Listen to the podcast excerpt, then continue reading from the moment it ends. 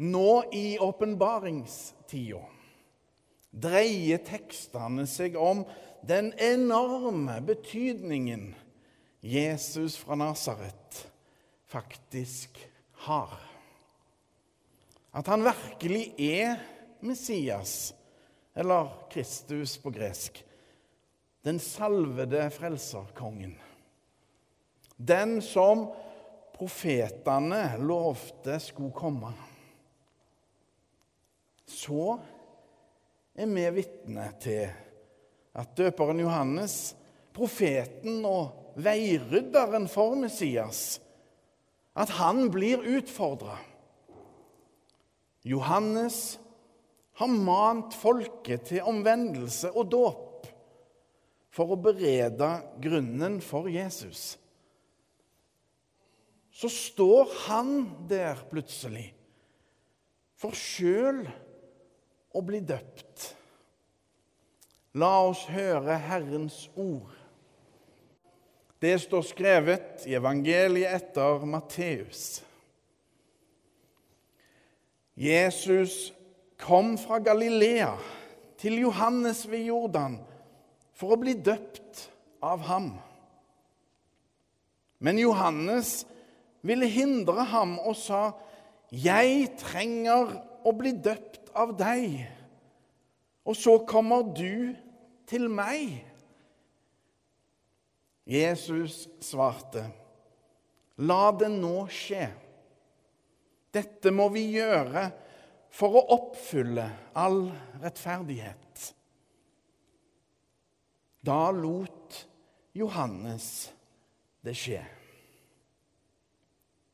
Da Jesus var blitt døpt, steg han straks opp av vannet. Og se, himmelen åpnet seg, og han så Guds ånd komme ned over seg som en due. Og det lød en røst fra himmelen. Dette er min sønn, den elskede. I ham har jeg min glede. Slik lyder det hellige evangelium. For noen år siden hadde en av mine onkler et kraftig hjerteinfarkt. Det var dramatisk, men han overlevde heldigvis. Han lever den dag i dag. Men da jeg besøkte han i Haugesund rett etter at han var kommet hjem fra sykehuset, så sa jeg til han Ja, som prest så ser jeg til daglig hvor skjørt livet er. Da så han på meg, og så sa han En trenger ikke være prest for å se det. Typisk. Typisk. Og han hadde jo rett. Og jeg hadde rett. For som prest så har en død og sorg tettere inn på livet enn i de fleste andre yrker.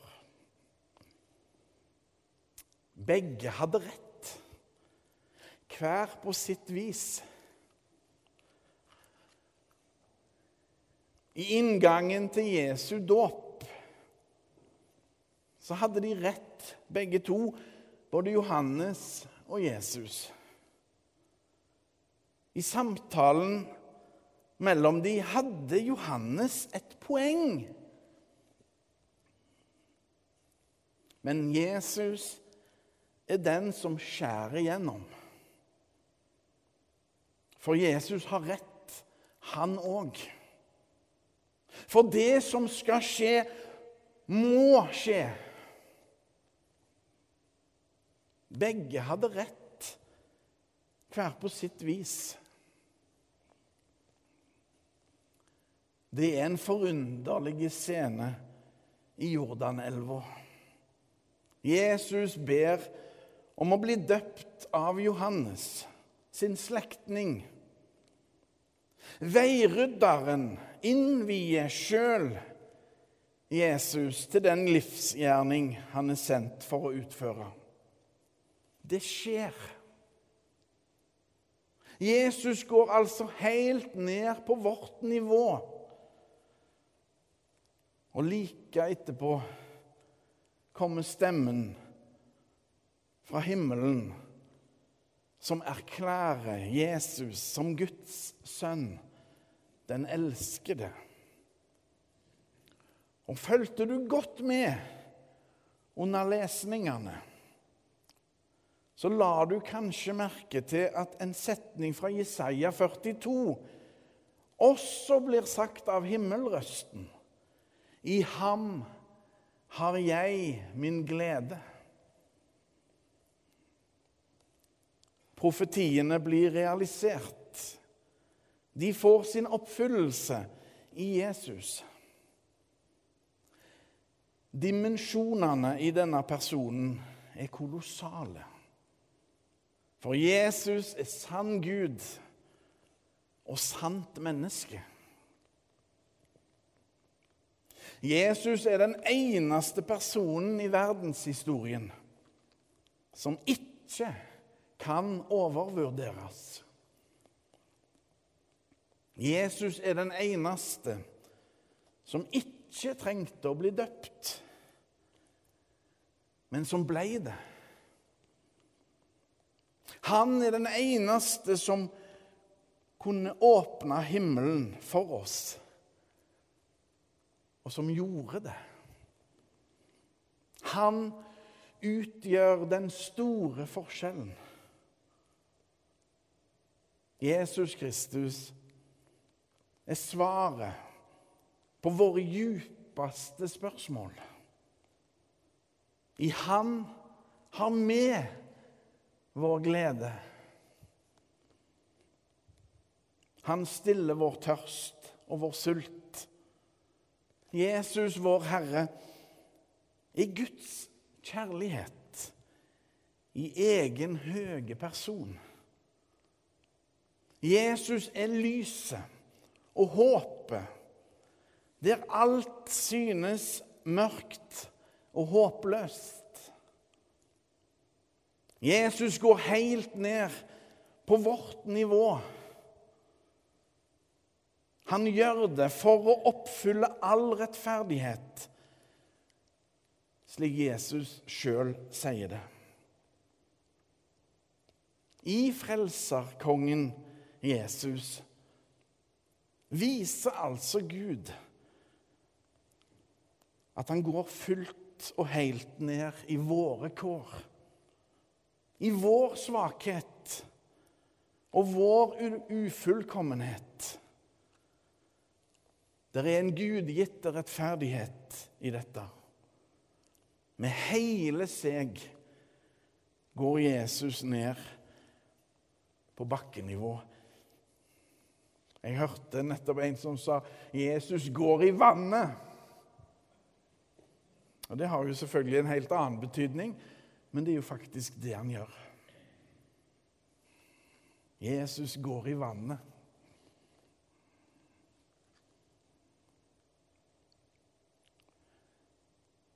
Slik Jesus kom til verden, slik blir hele hans livsgjerning på vårt nivå. Frelserkongen fra Gud er hos oss, kommet nedenfra. Jesus trenger ikke Johannesdåpens renselse, men han gjør det likevel. For å vise oss alle at Jesus er på vårt lag. Jesu dåp fører til lidelse og død. Hans gjerning blir innvia for vår skyld. Slik at den dåpen vi døpes med, våres dåp, er en inngang til livet. Det evige livet med Gud. Jesu dåp og frelsesverk gjør vår dåp mulig. Gud gjør det umulige mulig. Og dåpen der ved Jordanelva blir altså innvielsen til Jesu offentlige virke. Han samler sine nærmeste disipler, og blant de, din særlig tolv utvalgte unge mennene som kalles for apostler. Og på sin vandring med de lever de tett sammen. De blir vitne til at Jesus forkynner, helbreder og gjør andre store ting. Jesus setter spor.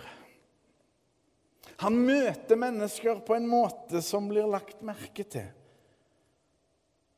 Og så gjør han ikke forskjell på folk, slik vi ofte har lett for. Jesus gjør ikke forskjell på folk. Han er ikke bonden av rammer og regler. Og derfor blir han tatt til fange og drept. Men Jesus viser seg sterkere enn alt annet til og med døden. Den korsfestede frelserkongen triumferer ved å oppstå den tredje dagen. I våres dåp satte Jesus sitt eiendomsmerke på oss alle. For all tid og evighet. Ikke som en garanti om et eh, problemfritt liv. Men som en garanti fra Gud, Han som er himmelens og jordens skaper, om at vi er elska og sett, og at Han aldri, aldri vender oss ryggen, men går med oss. Om det skulle bli aldri så mørkt på vår vei, så er vi alle i Herrens trygge hender, uansett. Jeg begynte med historien om min onkel og hans replikk. Og så hadde vi altså rett, begge to. Livet er virkelig skjørt. Og en trenger selvsagt ikke å være prest for å se det. Men som en prest som pleier å ha over 40 begravelser hvert år, så har jeg dette med sorg og død litt tettere inn på livet enn de aller fleste. Sånn er det. Men jeg har ennå til gode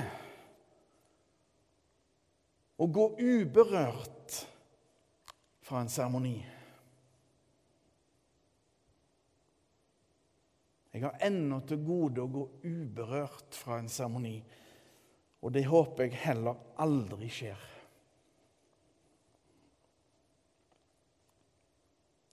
Og så er både dåpen og nattverden, som vi snart skal feire,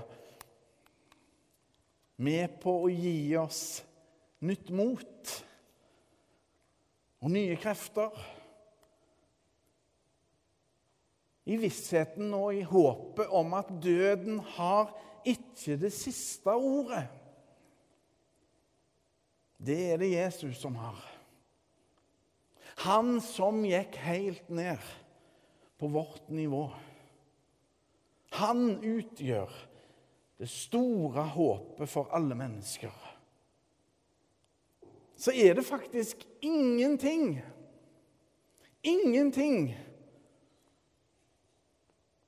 som kan skille oss fra Guds kjærlighet i Kristus Jesus.